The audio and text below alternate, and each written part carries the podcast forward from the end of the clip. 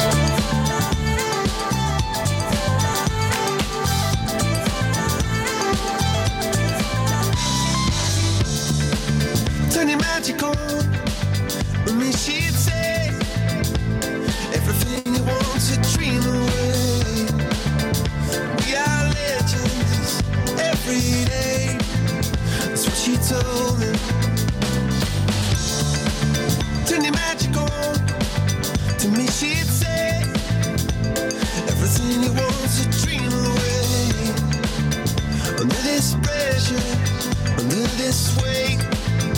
We are diamonds, and I feel my heart beating. I feel my heart underneath my skin. I feel my heart beating. You make me feel like I'm alive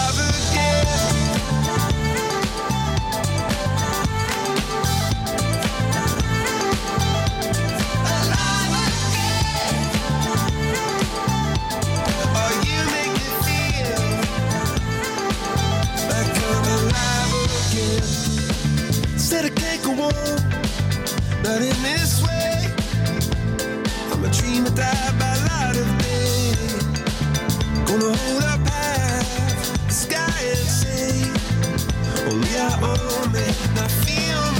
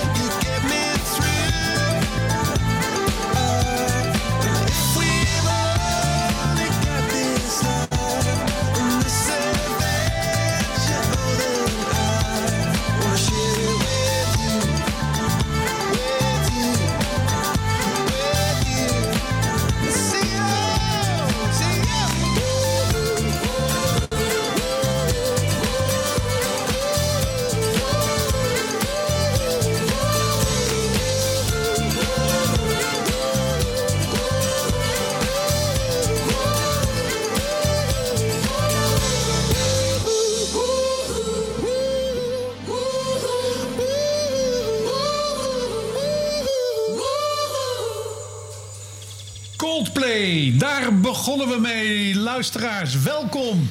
We zitten hier weer gezellig in Café de Bijenkorf. Het regent pijpen met tuiten, heet dat geloof ik. En eh, ja, Coldplay was gekozen door onze gast het eerste uur. Want het is vandaag een eh papegaai. Een papegaaimiddag in Band om onze harten.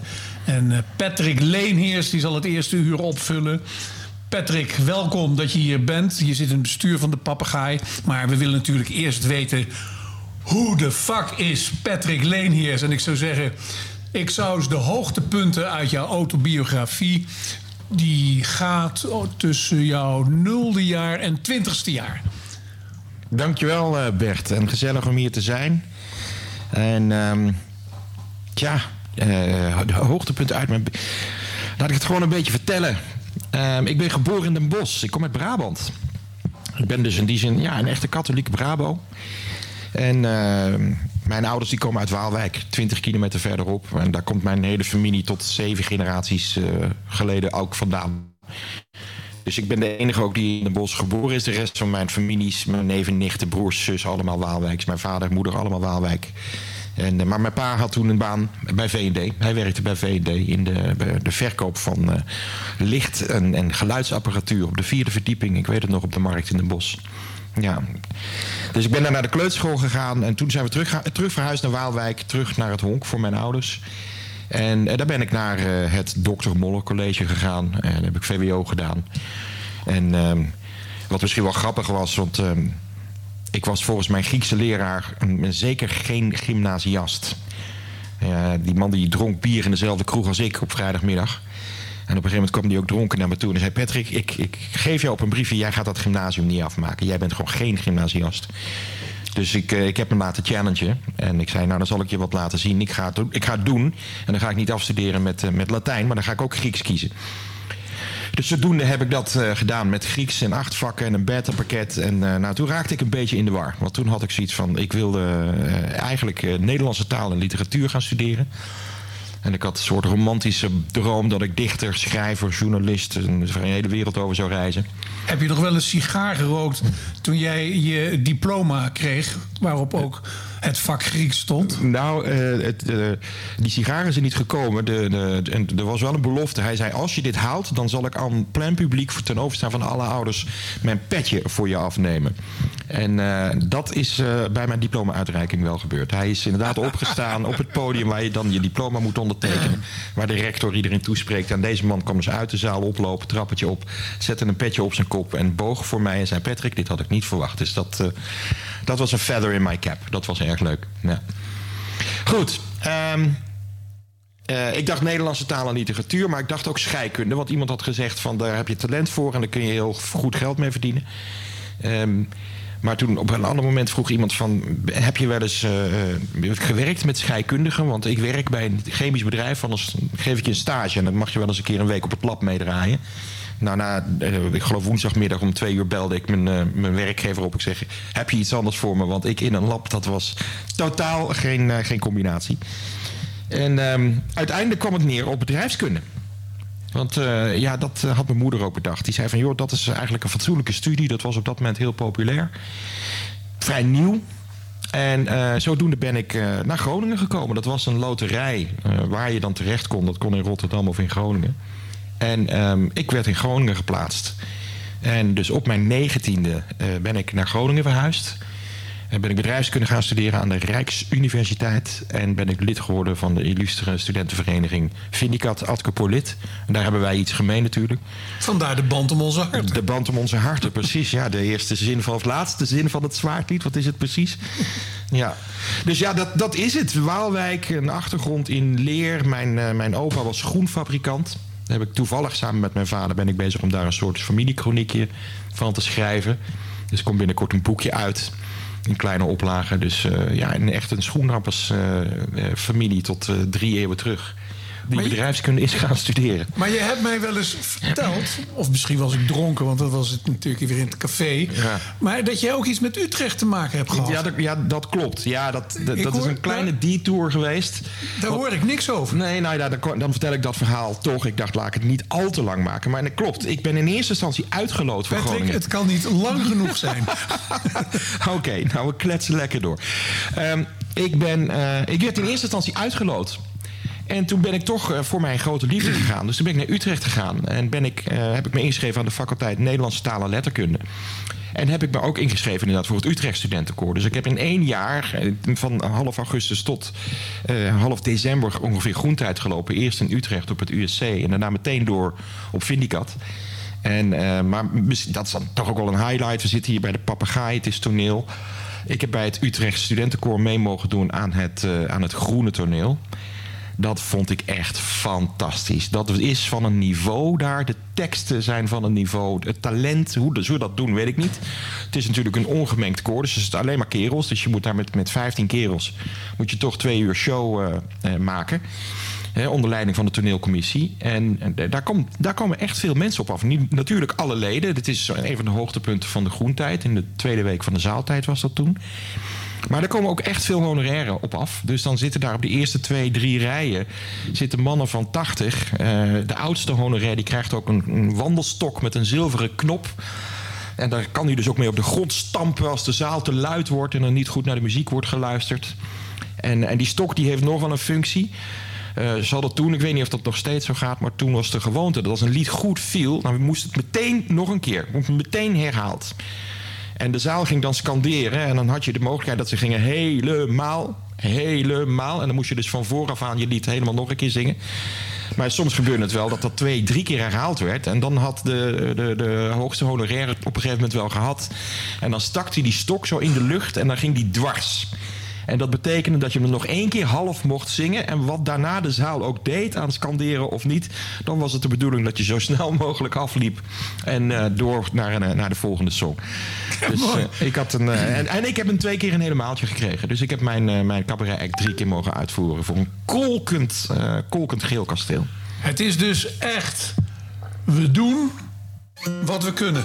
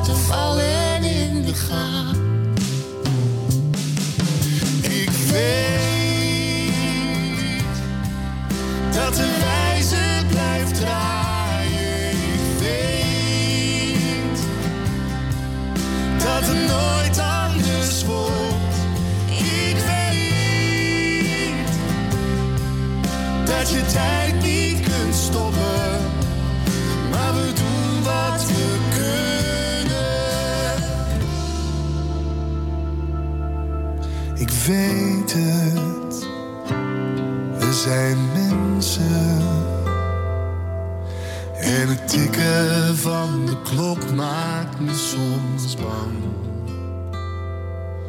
En ik hoop maar dat het heel lang duurt. En tot die tijd verlang ik, Verlang ik, verlang ik,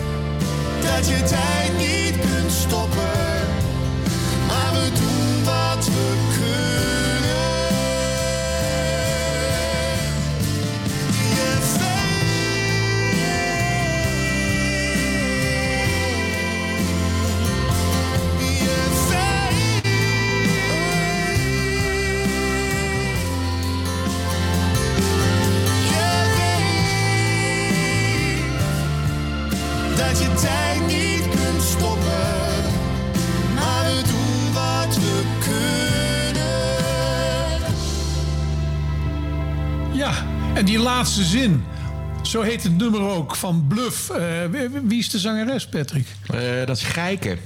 Ze hebben dit nummer opnieuw uitgebracht, volgens mij twee weken geleden. Het is een oud nummer. En eh, de zanger Pascal, die was op tv om het uit te leggen bij Matthijs Draait Door. Ken je dat programma? Matthijs Ja. Draait Door. En hij zat daar en hij vertelde dat dit zijn parel is. Uit het hele repertoire van Bluff was dit zijn lievelingssong. En zij zijn natuurlijk doorgebroken in Vlaanderen... doordat ze Zoute Landen hebben gedaan een aantal jaar geleden met Gijken. Die in Vlaanderen natuurlijk al heel populair was, maar in Nederland nog niet bekend. En dat, dat doen die jongens handig. Hè. Zij partneren heel handig met jonge en oude artiesten... en met mensen uit Vlaanderen om hun publiek eh, bij te houden. En voor de gelegenheid hebben ze Gijken teruggevraagd. En ik vind een prachtige uitvoering. Het origineel kende ik ook al, ook heel mooi. En dit vertelt allemaal onze gast Patrick Leniers in het eerste uur van De Band om Onze Harten. Live weer vanuit de Bijenkorf. Tom vult de kelken. Hij is weer helemaal goed bezig. Behalve dat hij een moertje onder de bar niet los kon krijgen. En zijn humeur daardoor wat, wat daalde. Erik die weer zorgt dat wij alle muziek eh, goed eh, te horen krijgen. En dat u ons kunt horen. Maar het draait eh, primair nu om Patrick A, omdat hij in het bestuur zit van de papegaai. En volgende week eh, de uitvoering is van het najaarstoneelstuk. Heel, heel gewaagd. Who's Afraid of Virginia Woolf. En de hoofdrolspelers die zullen straks ook eh, aanschuiven. Maar eerst is Patrick aan het woord. En hij was bezig om te vertellen uit zijn al... Nou ja, je bent toch ook al bijna een halve eeuw, hè? Zeker. Ja, en... eh, je, je- je eindigde dat je uiteindelijk in Groningen bent gaan studeren. Ja. Bedrijfskunde. Bedrijfskunde, ja. Een Tussen beetje een neus en middle of the lippen. Je moet road altijd- eh, keuze. Maar dat heeft me ook wel weer toch ook een hoop gebracht. Maar je moet altijd naar de kleine tussenzinnetjes luisteren, want daar was geld mee te verdienen. Ja, precies. Dat, dat was toen het mantra, ja. Nou, ga, ga verder met je verhaal. Ja, ja. Nou, ik, ben in, eh, ik moet zeggen dat die eerste maanden in Groningen vond ik het verschrikkelijk. Nou is het Groningen Studentenkoor eh, misschien geen groter contrast te bedenken met Utrecht dan Groningen. In termen van strak op de regels en de mores eh, in Utrecht. En eh, alles, alles laten gaan in mijn ogen in, in Groningen. En ehm, ja, nou, ik vertel het gewoon. Ik weet nog dat ik wegging uit Utrecht. En dat ik daar naar mijn, naar mijn pro-rector ging om te vertellen dat ik lid af ging worden. En of hij mij een beetje wilde helpen met die overstap naar Vindicat. En toen zei hij nog, Patrick, één ding heel belangrijk. Als je daar naartoe gaat, je moet gewoon meteen naar de Senaat gaan. En je moet naar de rector vragen en je verhaal uit de doeken doen. Maar niet met wijvenlullen. Echt n- niet met wijvenlullen. Dus ik ga daarheen. En ik kom daar aan en ik meld mij dus inderdaad op het Senaatskantoor in Groningen. En dat is het eerste en tot nu toe enige jaar volgens mij in de geschiedenis van Vindicat... dat er een Was, vrouwelijke, was, vrouwelijke was, de vrouw, was er een vrouw rectrice? vrouw-rector en de vrouwelijke pro-rector. Dus ik zat daar tegenover twee dames met in mijn achterhoofd alleen nog maar die woorden van de pro-rector uit Utrecht. Die zei, Patrick, wat je ook niet met wijven lullen. Goed, ze hebben, me, ze hebben me toegelaten. Ik ben daar zogenaamd wensloper geworden. Dat is eigenlijk, dan is de groentijd al voorbij. En, eh, maar dan mag je, er was een jongen, eh, net als ik, eh, die was laat uit dienst. Er was een meisje die was op het kamp uitgevallen met vijver. Dus zo'n clubje van zes brekenbenen die dan zo half, nou wat was het, half september nog eens een keer aan het programma beginnen. Maar één highlight uit die tijd wel is, er wordt ook in Groningen wordt er toneel gemaakt, een musical. En ehm, die eh, groene toneel, groene musical, ehm, of Feute musical heet het in Groningen, die werd in die weken opgevoerd eh, op de kroeg. Ze doen het altijd eh, in het theater voor het officiële, maar dan wordt die altijd nog een teruggehaald op de kroeg voor de leden die het niet hebben kunnen zien. En daar kwam op een gegeven moment een vrouw oplopen, een meisje toen nog, 18, 19 jaar oud. En die zong een, een, een jazznummer uit een musical. En ja, ik was tot dat punt was ik niet zo heel erg onder de indruk. Hè. Je moet je voorstellen dat ik nog behoorlijk eh, onder geïntimideerd was door het niveau van het eh, Koninklijk Utrecht Studententoneel. Maar toen kwam dus eh, deze vrouw, kort blond haar, hele lange benen. En zij zong Anybody Blue van Olivia Newton-John. Echt een showstopping number. En dat deed ze zo fantastisch dat ik eigenlijk meteen toen al dacht: die wil ik. En dit is Sophie van Haaps. Die we ook wel kennen als ze papegaaiers luisteren. Sophie is natuurlijk ook een prominent lid van eh, de papegaai geweest. Ze is helaas niet meer onder ons. Maar ehm, ja, ik heb op die dag bedacht van eh, ik, ik wil haar. toen, ik was natuurlijk vreselijk obscuur. Weet je wel, ik stond onderaan de sociale ladder op het koor. En zij behoorlijk hoog met haar jaarclub en haar bekendheid vanwege haar zingen. Dus ik moest wel iets, iets slims verzinnen. Maar ik had één troef, ik kon drummen.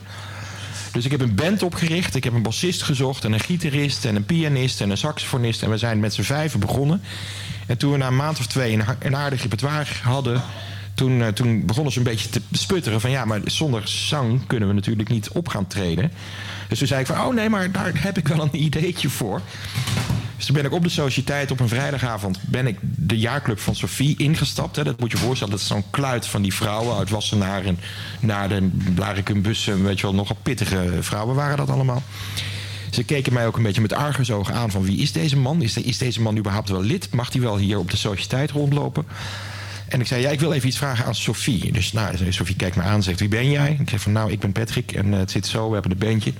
En we zoeken een zangeres.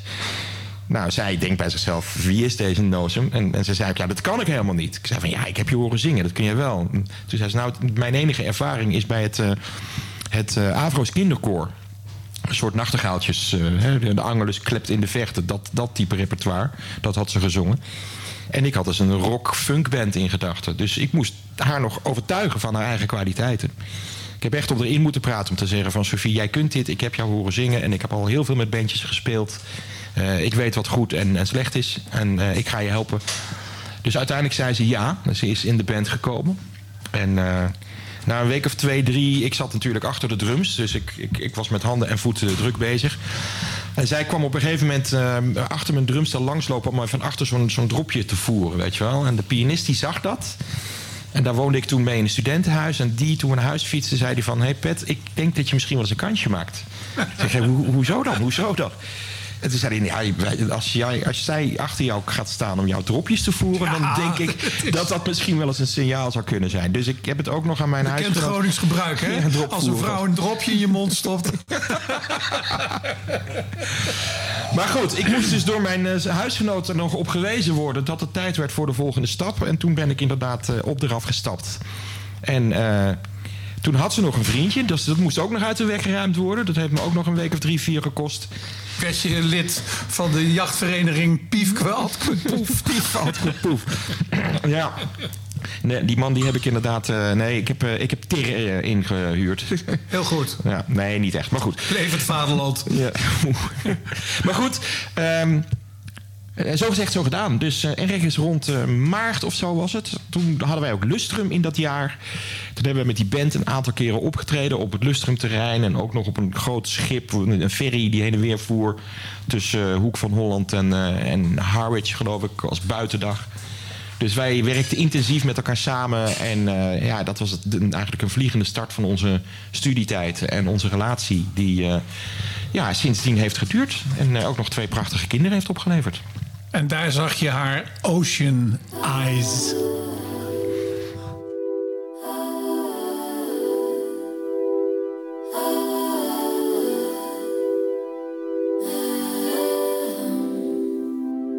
I've been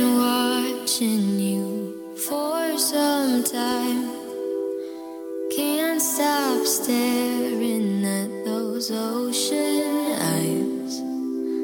Burning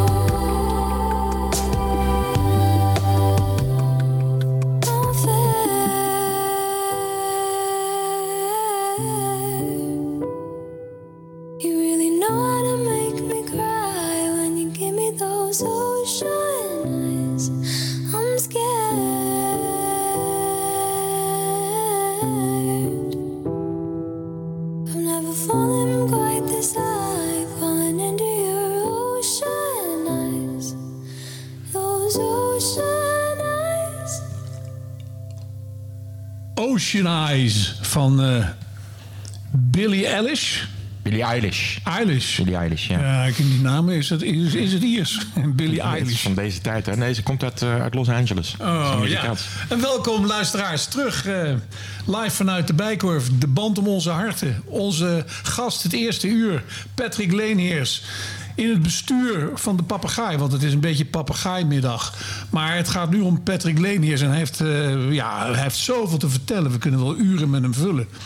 Maar hij heeft zijn Sofie ontmoet en zit in de band. Hoe jullie? eh, Hoe noemden jullie? Oh, we- de band heette toen MF Delight. MF is Mutua Fides. MF is Mutua Fides. En eh, zoals je ook AMF hebt, hè, de jazzband van Utrecht. Dus wij wilden een beetje een tegenhanger zijn. Utrecht? Sorry, Groningen. Ja, ja. En, ehm, en het Delight was natuurlijk gewoon een hele dus cheesy verwijzing naar de disco-muziek die we graag wilden spelen. Dus eh, MF Delight. Ja, dat heeft een, een jaar of vijf bestaan. Maar hebben ze opvolgers gekregen? Nee, helaas. Ik heb wel zelf een, een tijd lang in die band gespeeld. Dus ik heb wel zelf drie generaties gehad. We hebben drie bassisten versleten en heel wat gitaristen. Maar toen ik er zelf uitstapte en de, eh, de pianist... wij waren wel een beetje ja, de oprichters met z'n tweetjes. Ja. Eh, dus toen mijn tijd kwam, toen was er geen opvolging voor mij. En toen zakte het in.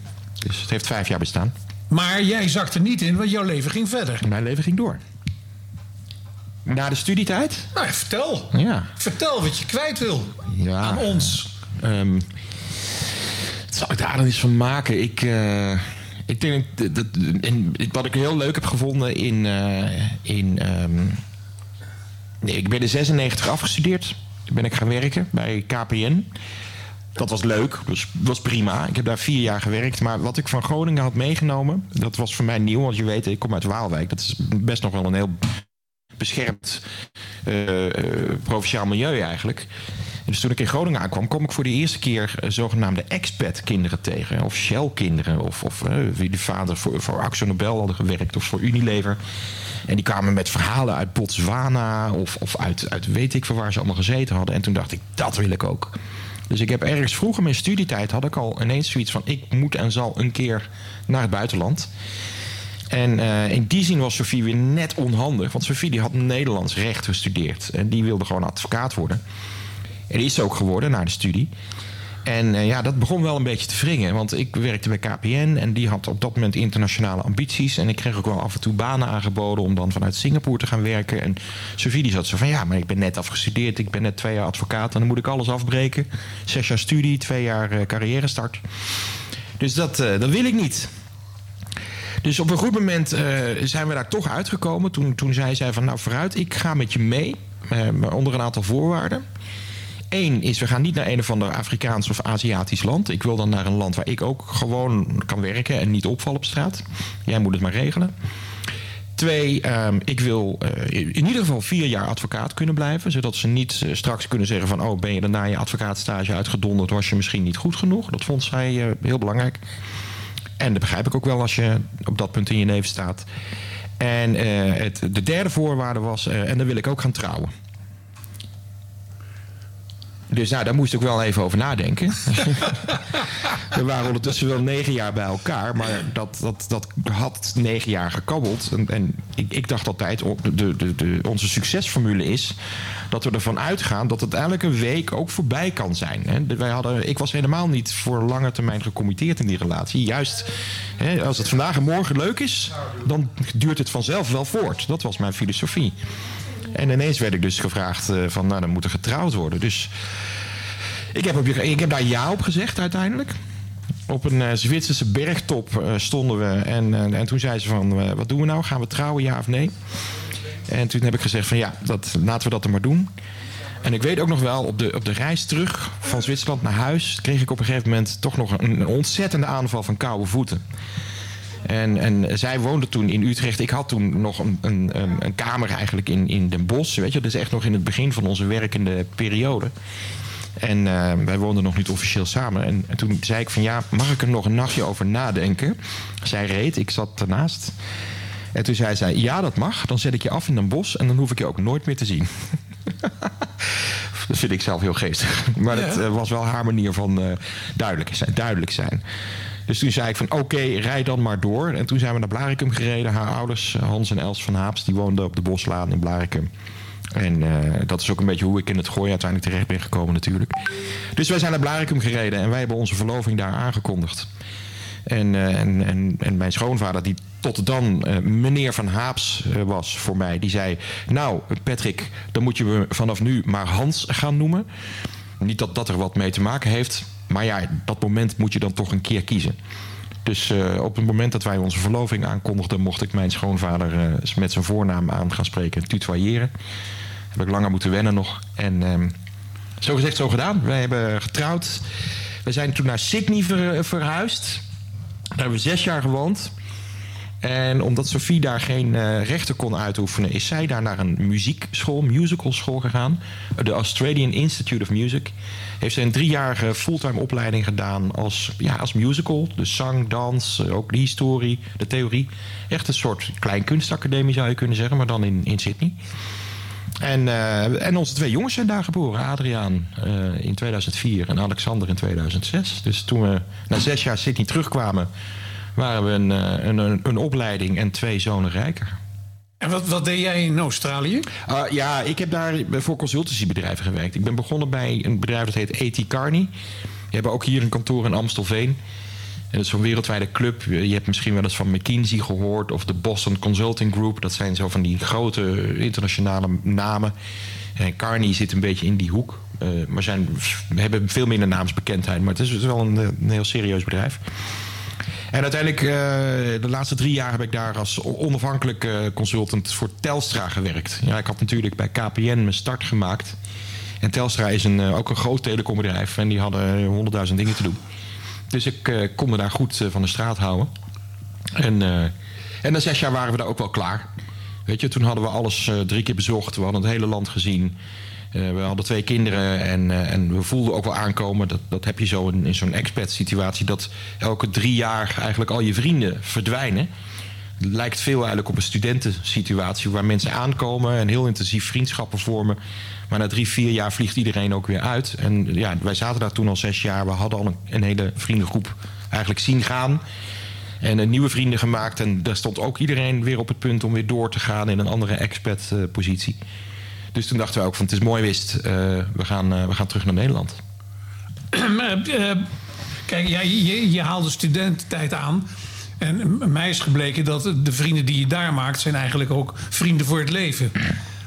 Heb jij in Australië ook vrienden voor het leven gemaakt? Ja, zeker. Ja, ja. Ik, ook in mijn studententijd. Toevallig was ik afgelopen weekend nog bij een van mijn oud-huisgenoten in, in Millingen aan de Rijn. Hebben we met, zeven, met acht man eh, gegeten van de lichting eh, 89 tot eh, 95. Bijzonder gezellig. Ik zie mijn jaarclub zeker eens per jaar. En we gaan ook nog eens per vijf jaar met elkaar op vakantie. Maar in zo'n eh, zo'n Sydney-jaar, eigenlijk de mensen die je in de eerste eh, zes maanden leert kennen. Vrijwel uitsluitend Nederlanders overigens. Dat is toch een Nederlandse enclave die dan samen hockeyt, eh, samen leuke dingen doet. Eh, die groep die is nog wel wereldwijd uitgespreid. Hè. Die mensen wonen of nog in Sydney of in Perth of in Londen of in Amerika of in Zurich. Maar we zien elkaar tijdens eh, winter- of zomervakanties. We houden contact. Eh, dat, ja, dat, dat, ik beschouw dat echt wel. Ik vond het wel mooi. Er is een, vriendin van ons, ehm, eh, Tanja heet ze.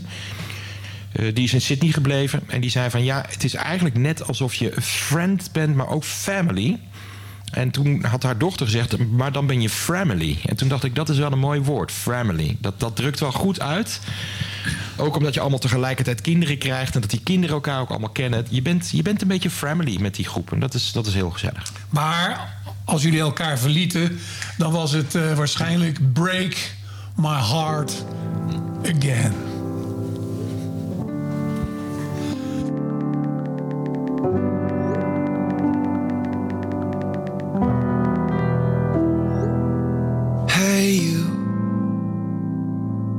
Now leaving. Can I come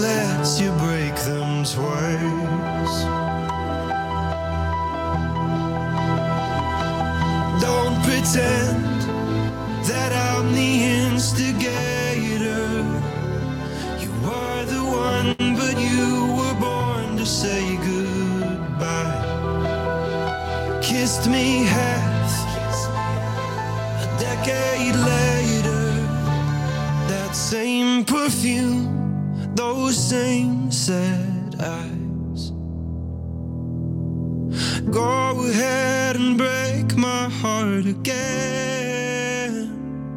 Leave me wondering why the hell I ever let you in. Are you the definition of insanity? Or am I? Or am I? It must be nice love someone who lets you break them twice. Ja, dit was dan eh, Break My Heart. Op eh, verzoek van onze gast Patrick Leniers. Eh, hij meldde ook dat dit de broer is van... we hebben van haar ook wat gedaan, Billie Eilish. En dat ze een enorme grote, grote fanclub hebben. Dat ze, ze zijn vrij groot. Maar dat, eh, dat maakt allemaal niet zoveel uit. Maar het is allemaal mooie side information. Patrick, Ja. Leniers vertelt alles wat hij heeft meegemaakt. Hij komt net uit Australië terug na zes jaar te zijn geweest. En eh, what's next? Eh, toen eh, kwam er wel een klein kinkje in de kabel eigenlijk. Dat was een, een rotjaar, 2006. Eh, wij, wij dus terug. Eh, we kwamen terug naar Nederland. We hadden geen huis, geen baan, geen bestaansrecht eigenlijk hier meer. Want dat hadden we natuurlijk allemaal eh, onze schepen achter ons verbrand. En toen in die zomer, volgens mij werd er EK gevoetbald of zo. Ik herinner me nog wel dat er voetbalzomer was. En ehm, toen is Sofie ziek geworden. Dat was de eerste keer in 2006. En dat, dat- dat was ook een rare periode, want ja, we hadden een baby van zes maanden. En zij had het idee van er zit iets geks in mijn borst. En ze is tot drie keer toe weggestuurd door de huisarts. Die zei van ja, maar je bent nog borstvoeding aan het geven. Dus eh, geen paniek mevrouwtje. Een beetje zo, ja, zo die, die stijl. En op, dus op een gegeven moment is ze toch daarna teruggegaan en gezegd... ik wil gewoon een mammogram. En verdomd, toen bleek daar inderdaad een, eh, een behoorlijk eh, tumor te zitten. En ze was natuurlijk piepjong, ze was 35. En dat wist, wisten we eigenlijk toen al wel. Als je op die leeftijd borstkanker krijgt, dan is dat vaak geen goed teken. Het is een indicatie dat als je jong kanker krijgt, dat het gevaarlijker is dan als dat op je 55ste voor het eerst voorkomt. Dus, eh, maar goed, zo gezegd, zo gedaan, ehm, is, is zij de behandelingen ingegaan. Ze heeft zich eh, natuurlijk laten opereren, chemotherapie. Dus het was eh, rond kerst 2006 dat we daar doorheen waren. En dat heeft ons leven denk ik echt wel beïnvloed. Eh Sophie die heeft toen de keuze gemaakt om niet terug de advocatuur in te gaan. Ze had nog een andere droom naast eh, het op, op het podium staan. Wat ze overigens is blijven doen. Nog vaak voor de papegaai gespeeld. Prachtig. Maar ze wilde ook het onderwijs in. Ze wilde naar een middelbare school om docenten te worden. En eh, nou, dan ga je met je rechtenstudie zoeken wat je mag doen. Haar grote liefde, is grappig genoeg, was ook Nederlands. Ze had heel graag Nederlands docent willen worden. En literatuuronderwijs en poëzie doen met de kinderen. En, eh, en of geschiedenis, waar haar andere grote liefde. Maar dan had ze teruggemoeten naar de universiteit om weer echt vier jaar te gaan studeren. En met haar rechtenstudie mocht ze maatschappij-docent, maatschappijleerdocent worden. Dus zij is toen eh, gaan omscholen. Ze heeft een jaar eh, is ze teruggegaan naar school in Utrecht. En toen is zij het onderwijs ingegaan. En zij is les gaan geven aan het Christelijk Lyceum in Zeist. Prachtige school, ik ben er veel geweest. Ze trad daar ook op, op de Big Music Nights. Dus ik stond daar natuurlijk altijd in het publiek.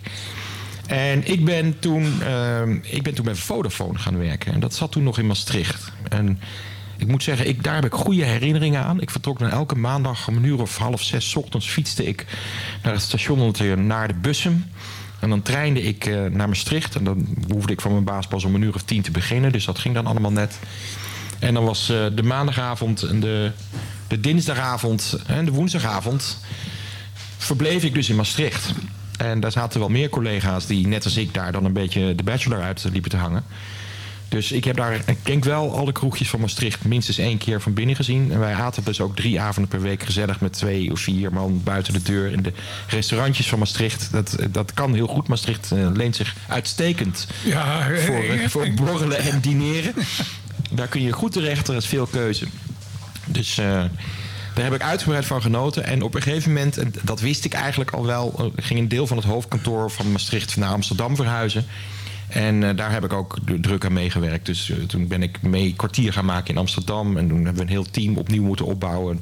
Allemaal mensen moeten vinden en aannemen en, en inwerken. Dus dat was ook een heel turbulent jaar. Dus ja, van 2006 tot 2012 ehm, bij ehm, Vodafone gewerkt. En toen ben ik overgestapt naar een school, een leiderschapsschool. En wie komen daar binnen? En wie komen daar binnen? De hoofdrolspelers van het aanstaande toneelstuk Who's Afraid of Virginia Woolf. Ik zou zeggen, Monique, Simon, welkom. Kom erbij zitten.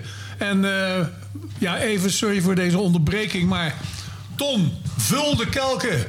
En dat is Erik, die zorgt dat jullie loud en clear de eter ingesmeten worden en jullie muziek gedraaid worden. maar we zitten nog even bij Patrick, eh, zijn Vodafone-tijd. En dat je eh, Maastricht helemaal uitgewoond hebt qua cafés. Precies, overal geweest. Ja. En eh, Café Zondag was een van mijn favorieten. Ik weet niet of het nog bestaat. Ja, ja, ja, oh, of het nog bestaat.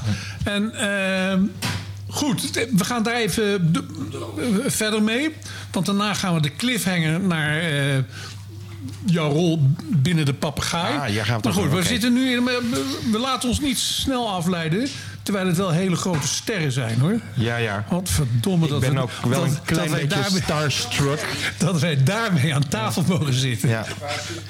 Nee, hun, ster zal reizen. Ik denk dat het publiek volgende week diep onder de indruk zal zijn. Ik, eh, ik wil het niet al te veel eh, druk leggen op jullie.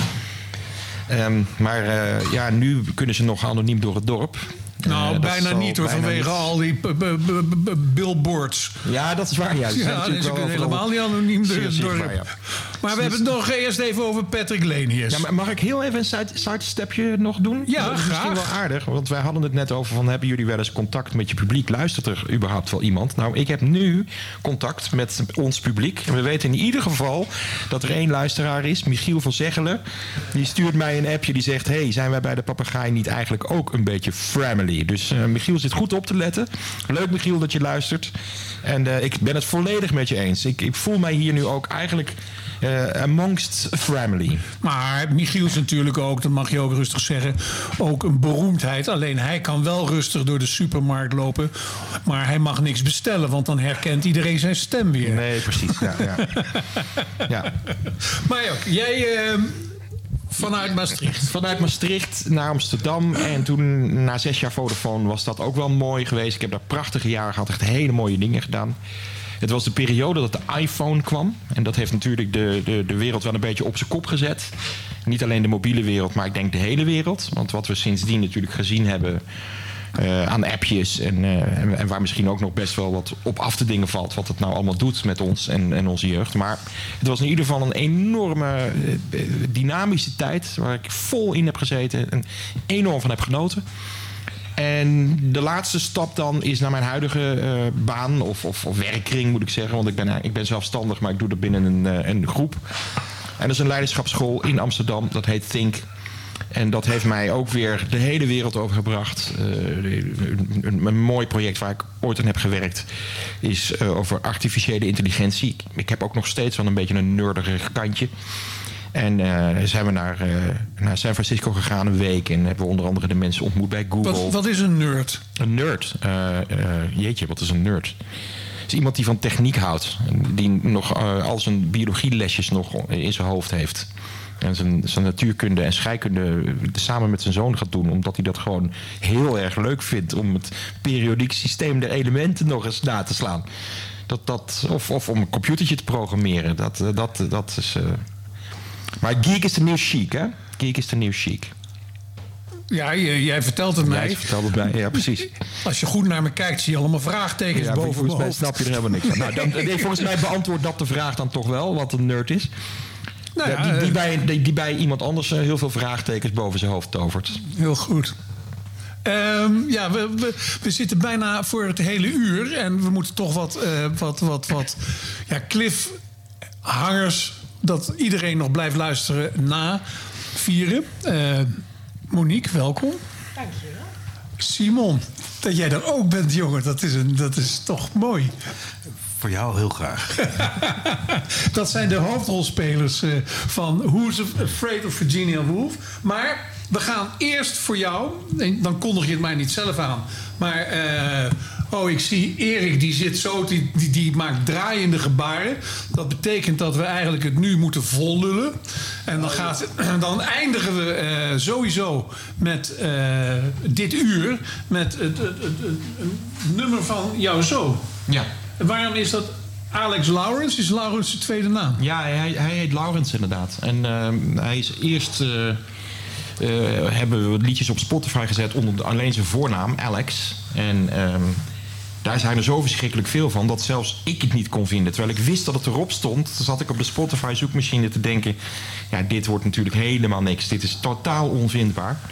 Dus toen ben ik met hem opnieuw in overleg gegaan. En eh, toen heb ik zijn, zijn hele Spotify-profiel, een Apple Music-profiel en zijn Instagram allemaal omgekat. Maar hij, heeft ook, hij heeft ook voor de papegaai al veel dingen gedaan. Met jou? Ja, ja dat, dat, toen was het nog een heel klein pikkie. Ja, toen was hij Maar vijf, hij, hij stal wel de show. En hij heeft me in ieder geval geholpen dat ik m- tekst vast Ja, bleef. hij, hij herinnert hij mij ook nog aan als ik nu vertel van ik ga naar Bert van Aalten. En, oh ja, dat is die man die ik aan zijn tekst moest helpen, omdat hij het niet meer wist. Ja, ja. Maar we zitten hier nou eh, met het... eh, nou ja, jij zit in het bestuur van de papegaai. En Monique en Monique Simon. zit in het bestuur van de papegaai. En Simon zit in het bestuur van de papegaai. Dus in het kader van de anciëniteit. eh, wie heeft het... eh, wie wint dat? Is dat bestuursanciëniteit? Ja, ja, bestuursanciëniteit. Nee, bestuursanciëniteit. Ik, doe, ik geef die aan. Ja? Ik, ik, ik denk ik. Ik weet niet precies wat je bedoelt. Nou, wie zit er het langst in het bestuur? Ehm, eh, ik? Ja, nee, Nou, ik. Ja. Heel goed, dan gaan we, na, dan gaan we na het nummer wat we eerst gaan beluisteren van eh, de zoon van eh, Patrick. Van, ja, Alex, zo kennen we hem. Raincoat. En eh, dan gaan we met bestuur praten en over het toneelstuk.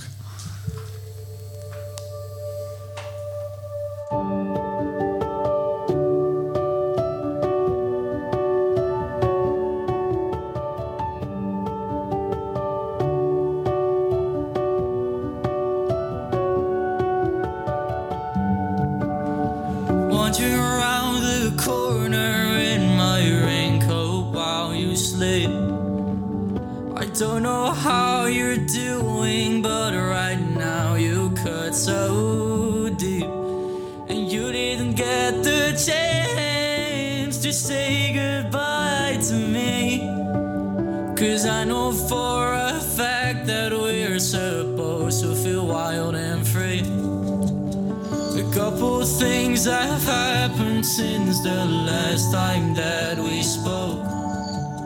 You know that I don't talk too much, but that is how I cope. I can feel the emptiness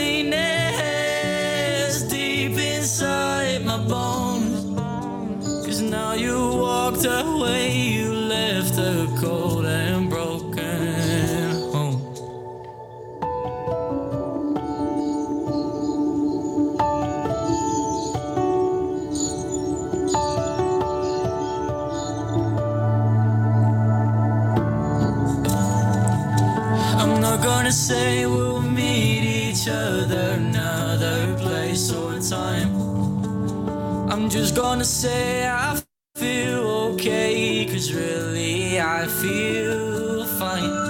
I dread the long, long hours in the darkness of the night. Without you in my way or in my heart, you're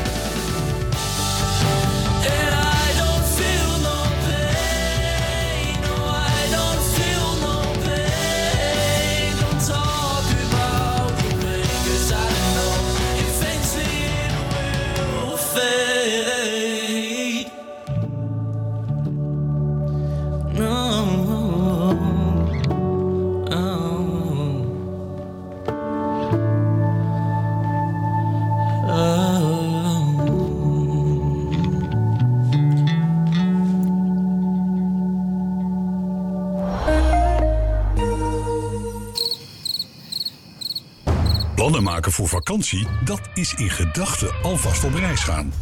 En wat is nou mooier dan op safari gaan? Niets als je het Frank Ranzijn vraagt.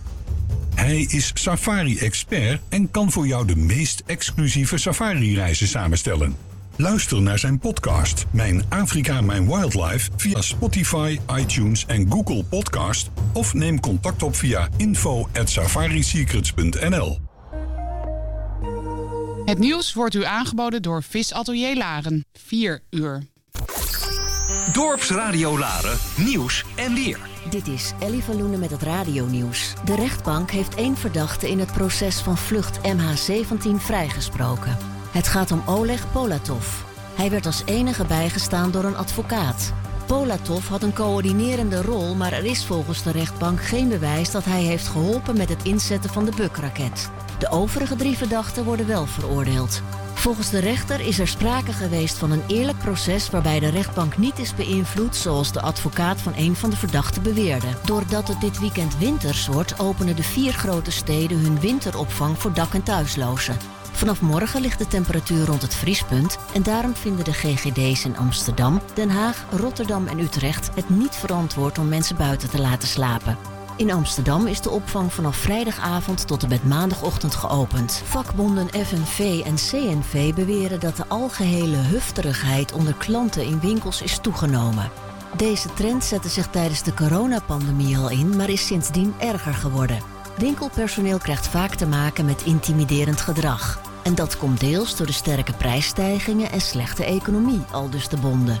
Winkelbrancheorganisatie InRetail zegt dat het overgrote deel van de klanten zich fatsoenlijk gedraagt en dat een kleine minderheid zich misdraagt. De autoriteit persoonsgegevens waarschuwt bezoekers van het WK voetbal in Qatar voor twee apps die de fans op hun telefoon moeten hebben staan.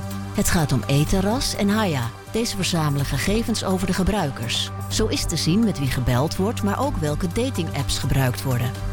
De Nederlandse privacy-toezichthouder adviseert apps alleen te installeren op een telefoon die nergens anders voor gebruikt wordt. Het weer nog. Bewolkt en regen. Vanuit het zuiden wordt het later droog. Het wordt 6 graden in het noordoosten tot 11 graden elders in het land. De zuid- tot zuidoostenwind is matig, aan zee hard kracht 6.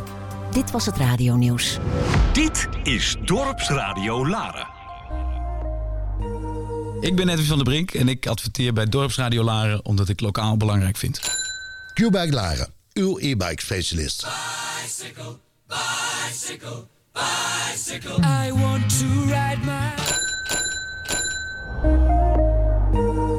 Ik ben fit in 20 minuten per week. Kan dat? Jazeker, want ik train bij Fit 20 met de unieke Fit 20 trainingsmethode. Altijd met personal trainer en zonder te douchen of om te kleden ben ik fit in slechts 20 minuten per week. Ga voor een gratis kennismakingstraining naar fit20.nl. Dorpsradio Laren sponsoren? Kijk op onze website dorpsradio.nl of bel 035 781 0781. 035 781 0781.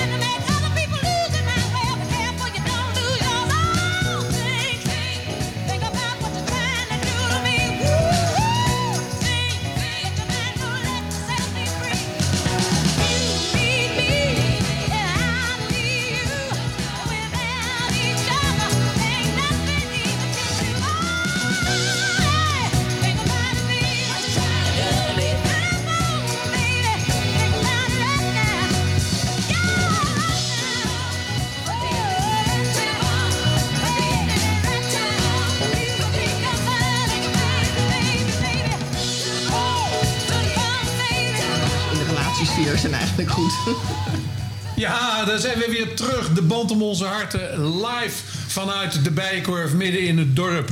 Aangeschoven zijn naast eh, Patrick Leenheers Monique Woerdman Rijnen. Is Rijnen je meisjesnaam en Woerdman je trouwnaam? Of heb je echt een Gooise dubbele naam? Dan was het maar zo. Nee, Reine is mijn meisjesnaam, maar ik weet niet waarom je die erachter hebt gezet. Ja, Woerdman eh, is, zo heet je man. Zo heet mijn man. En we hebben natuurlijk ook Simon de Ruiter. Maar wie zijn ze? En we beginnen natuurlijk, want dat hadden we ook al voor het vorige uur besloten. De anciëniteit. Eh, Monique. Wie is Monique Woerdman? Doe eens even heel kort vertellen vanaf je geboorte tot nu. Je gaat het weer doen, Bert. Ja, daarom. Maar even... Het, mag Heel nu, kort. Het, echt het mag nu een kort. samenvatting zijn. Heel kort. Ik ben geboren in, Bus in Amsterdam. Maar ben eigenlijk meteen naar Bussum verhuisd. Dus ik ben wel echt in het gooi opgegroeid. Ehm, met een moeder met een theaterachtergrond en een opa met een theaterachtergrond. Dus waarschijnlijk zit daar een beetje genetisch eh, afdruk. Dat weet, weet je natuurlijk nooit. Eh, ik ben hier naar school gegaan. Het is allemaal super saai. Eh, ik heb mijn hele leven in het gooi gewoond. En ehm, uiteindelijk toneel gaan spelen. Al op mijn zestiende. Zo'n beetje. En dat is een beetje een uit de hand gelopen hobby eh, geworden. Dat, eh, dat is het in de nood. Ook ben getrouwd en ik heb twee kinderen. We zijn inmiddels al het huis uit. Ah, nou, dat is kort maar krachtig. Dan eh, gaan we nu het volgende nummer draaien. En dat is eh, op verzoek van Simon. En die gaat het. Hij zit al heftig te denken, wat moet ik allemaal gaan vertellen? Maar we draaien eerst Alison Moyet, Dead Old Devil.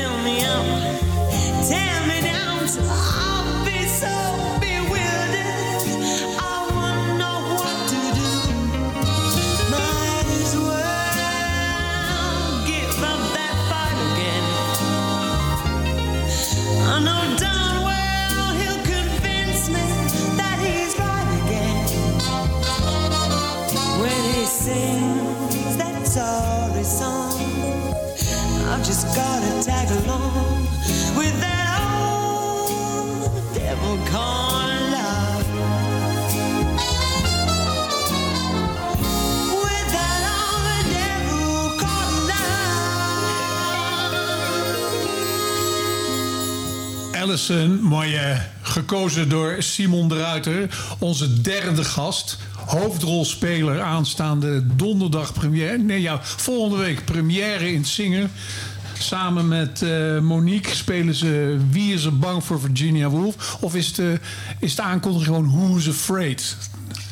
Eh, nee, het is wie, we hebben gewoon wie is er bang voor Virginia Woolf. En we doen het natuurlijk niet met z'n tweeën. hè. We, doen, eh, we spelen nog twee mensen mee. eh Nieke Ja, nee, nee, nee, en, dat gaan jullie zo allemaal vertellen. Maar de luisteraar wil natuurlijk wel weten. Want die kennen natuurlijk allemaal Simon de Ruiter als groot artiest die op het podium staat.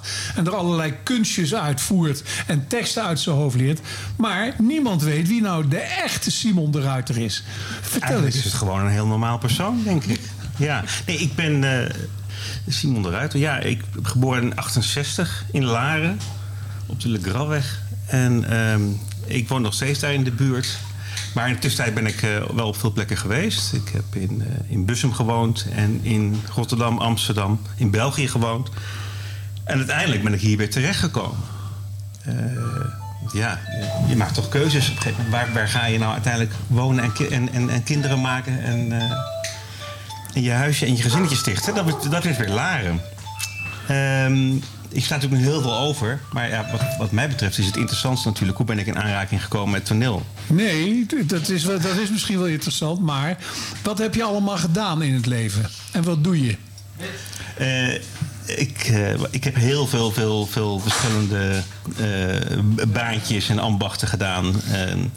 Eh, van, van redacteur eh, bij de televisie en bij een, bij een, een, magazine...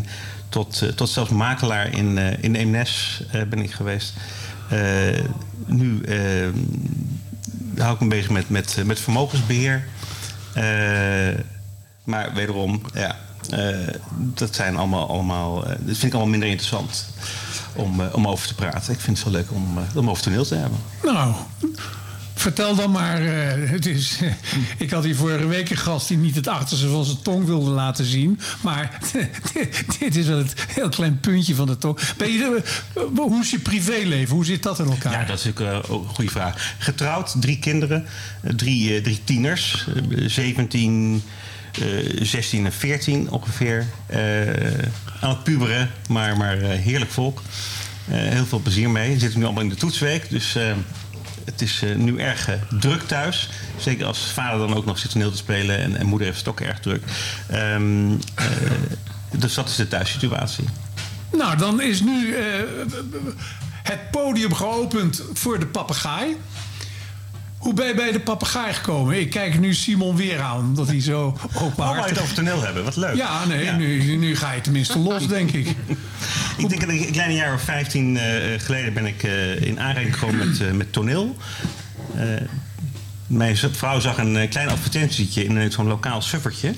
En daar stond een workshop in, voor een toneelvereniging in Eemnes, Deo het Arti. En dat leek haar wel wat voor mij. Dus ik dacht, nou, laat ik dat eens proberen. En ik moet zeggen, dat was geweldig. Ik vond het zo ontzettend leuk. Eh, alle, alle, alle schroom viel van mij af en ik, eh, ik kon lekker gek doen op toneel. Het was heerlijk. En eh, nou, sindsdien doe ik niet anders in mijn vrije tijd. Een paar jaar later ben ik in ra- aanraking gekomen bij de, met de papegaai. En dat was zeg maar ja, de, de, de volgende stap, de next level. Kunnen spelen in het zinger. Dat is natuurlijk een... ja, dat is natuurlijk fantastisch. En, eh, en toen ben ik ehm, eh, gaan spelen met het, in het toneelstuk dat heet Closer. Dat was mijn eerste toneelstuk bij de papegaai. In, eh, in het zinger, onder andere met, met Monique weer. Onderbreken elkaar of vul elkaar aan hoor. Je hoeft niet te denken van één heeft het woord. Het is nu, de microfoons staan open. Dus als je aanvullingen hebt. Ja, ik dacht, nu gaat hij echt wat vertellen. Maar we gaan hem zo aan. Ja, ik ben gewend wat meer van een, uit, een, uit een script te vertellen. Dus, eh, dat, dat volg je gewoon ook op. Ja, tuurlijk. Ja. Nou ja. Maar je volgt niet de, re- de regievragen. Dat zijn vragen. Dat is wat anders dan dat je het voor je hebt. Ja, precies. Ja, ja, ja, ja. Jullie zijn alle drie in het bestuur gekomen. Kost dat veel tijd? Nou, een paar, eh, paar vergaderingen per jaar. Zo wordt iedereen altijd binnen een bestuur binnengehengeld. Zo van, ja joh, kom. Maar een paar, jaar, een paar uur per jaar vergaderen. En het stelt allemaal niet zoveel voor. Maar nee, het kost heel veel tijd. Maar ehm, we vangen elkaar ook heel goed op. Dus als het op een gegeven moment te veel is voor iemand... omdat er eh, te veel op zijn bord ligt, dan springen we bij. Dus eh, we zijn wat dat betreft een hechte club. En, ehm, en we doen het met zoveel enthousiasme... dat, eh, dat je de pijn eigenlijk niet zo voelt. Het is meer het, eh, het huisfront wat af en toe een beetje... We hadden, we hadden nu net de directeur van het Brinkhuis hadden we even hier op bezoek. En toen moest ik denken, we hebben eens een keer een radio-uitzending gedaan vanuit het Brinkhuis. Live. En er werd iedereen even heel kort eh, wat dingen gevraagd. Ik weet niet meer waarvoor het was. Het was een... Ja, we hadden een 100 jaar boek. Maar Dat was eh, een receptie omdat we een lustrumboek hadden gemaakt. En eh, dat werd toen uitgereikt aan iedereen die zich daarop voor ingeschreven had. Dan hadden we een, leuk feestje georganiseerd. Oh ja. En jij zat volgens mij buiten op het terras daar Ja. inderdaad. In de zon, in de nazomer. was prachtig hè? Maar wat mij bijbleef is dat er kwam iemand binnen... en die heb ik ook kort geïnterviewd... en die zei, ik kan nu wel iets onthullen... want ik word de nieuwe voorzitter van de papegaai. Ja, en toen, vroeg, en toen vroeg jij nog, is het zeker of is het nog mogelijk dat er een koer wordt gepleegd? en, eh, en, en daar heb ik toen op geantwoord van, eh, ja, ja, in het leven is nooit iets zeker. Ik dacht, laat ik toch die slag om de arm maar houden. Maar eh, ik, ja, op dat moment was dat wel eigenlijk de planning. En, en het, is, het, het was ook bijna zover. En, eh, maar ja, wat ik al vertelde, eh, mijn echtgenoot is overleden. En ik heb ook twee eh, teenage boys, twee puberzonen. En dat, ja, dat gaat soms wel eens onverwachte kanten uit bij ons thuis. Dus Monique die heeft mij op een gegeven moment gewoon de gewetensvraag gesteld. Weet je het wel zeker? Oh, maar we hoeven haar niet Monique Kaag te noemen. Nou ja, kijk, de- die intentie met maar, waarmee ze. Dat is de, de- kijk, de grote vraag is natuurlijk met welke intentie stelde zij die vraag? Was dat voor mijn bestwil of, of het hare? Ja, dat is nog altijd een onbeantwoord eh, enigma binnen de papegaai. Maar uiteindelijk heb ik, naar aanleiding van die vraag, ben ik inderdaad achter mijn oren gaan krabben. En ik, toen dacht ik, Monique, ik denk dat je gelijk hebt. En by the way, ik denk dat jij de betere voorzitter zou zijn dan ik. En, en daar heeft zij volgens mij toen nog even over na moeten denken. Maar misschien wil je dat vertellen? Eh, eh, ja, nee, het, is, het is een hele persoonlijke vraag die je stelt, eh, Bert. Dus vandaar dat ik jou graag daar zelf eh, ehm, eh, voor aan het, eh, aan het woord eh, eh, hoor. Eh, maar nee, dat klopt. Eh, ik zag jouw struggle toen eh, in die periode. En eh, vandaar dat ik eh, met die, jou toen die vraag heb gesteld. Het was op een avond waar dat nogal duidelijk was. Hè? Ja, ja. En, eh, maar ja, toen was het ja. ehm, maar wie dan wel? En toen dacht ik, ja, daar had ik eigenlijk ook nog niet zo heel erg over nagedacht. Dus toen eh, was het, eh, dat was de vraag. En ik moet er wel bij eerlijk bij zeggen dat de vraag was mij al eerder gesteld. Of ik voorzitter wilde worden. Voorzitter wilde worden, dat zeg je eigenlijk. En, ehm, en ik vond mijn baantje die ik had gewoon heel erg leuk bij de papegaai. Dus ik dacht, ja, waarom zou ik dat doen? Ehm, dus dat was opeens omdenken. En met dat omdenken dacht ik, maar het is ook heel goed om na zes jaar iemand anders op die post te hebben. Eh, die met een andere smaak en een andere kleur kijkt naar de eh, creatieve eh, ontwikkeling binnen zo'n papegaai. En die anders, anders gaat programmeren dan ik. En dat, is eigenlijk, dat heeft eigenlijk de doorslag gegeven. Dat, je moet eigenlijk ook niet te lang op zo'n post zitten. Zes jaar is, is, is goed. Dan is het tijd voor vers bloed. Nou, en volgens mij vonden we allemaal ook wel dat het tijd werd... na 100 jaar voor de eerste vrouwelijke voorzitter. Maar Pet, jij was toen penningmeester. Ja, ik, ik was toen penningmeester en ik heb inderdaad de baan van... En dan komt Simon. Ik heb toen inderdaad de baantje van Monique overgenomen. En toen viel het penningmeester vrij. Het is wel echt goois een beetje, hè? Ja. Hebben jullie Niks de autosleutels op de bar gegooid? Ja, ja, ja. Of hebben ja. jullie nooit van de sleutelclub gehoord? Nee, nee, nee, nee, nee, nee. Ik zal deze even antwoorden, want wij wilden heel graag Simon binnen het bestuur hebben. Eh, want Simon is gewoon een raspapegaaier. Ehm want dat vind ik belangrijk, dat, eh, dat er mensen in het bestuur zitten die daar ook, ook echt hard voor de papegaai hebben. We, nemen het ons, we nemen het best serieus. Eh, en dat hoeven we niet altijd uit te dragen, maar als we het maar wel doen. En eh, Simon was er zo één. Daarvan wist ik zeker dat uh, die gaat dat ook heel serieus nemen. En uh, ja, hij kreeg de vraag uh, op niet de meest sexy post als penningmeester. Want dat is natuurlijk best droge hap en best veel werk ook. Maar natuurlijk heeft hij met enthousiasme ja gezegd. Maar jij mag dat verder gaan invullen, Simon.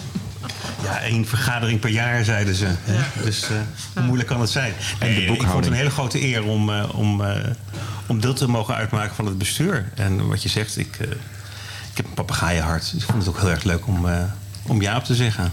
Ja. Nou, nu hebben we alle bestuurlijke zaken doorgenomen. Maar dan gaat het natuurlijk om de vereniging De Papegaai. En daar gaan we over praten nadat wij Kate Bush het woord hebben gegeven. Dat is een goede opmars.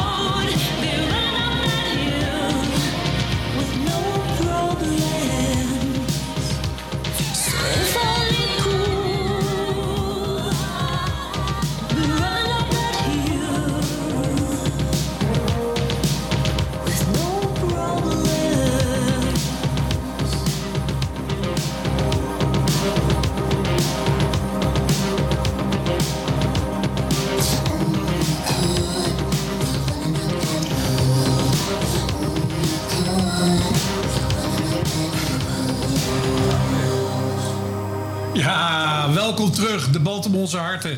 En eh, we hebben hier aan, eh, aan de toog hebben we ja, het halve bestuur van de papegaai zitten. Want het is natuurlijk aanstaande donderdag eh, de première van Who's Afraid of Wie is bang voor Virginia Woolf. En behalve dan dat ze bestuurslid zijn, zijn ze ook de hoofdrolspelers. Monique en Simon. Patrick, die heeft het geen moer mee te maken. Die heeft het van een maar jullie kiezen met het hele bestuur het, het, het- thema. Wat, wat wordt het? Want het is natuurlijk wel wat jullie... Wie is bang voor Virginia Woolf kiezen? Ja, dat is ambitieus. Eh, eh, dat, weet, dat realiseren we ons ook wel. Dus moet je daar ook andere dingen tegenover zetten. We hebben nu de gevulde papegaai straks weer in eh Mauve. Die is trouwens eh, alweer ram uitverkocht, wat heel goed is. Dus met een cabaret, met Magali de Vremerie die dat regisseert. Ehm, en we hadden natuurlijk Club La Centuria hiervoor. En hierna zal Patrick er zeker voor kiezen om weer voor een, eh, voor, een ander genre te gaan.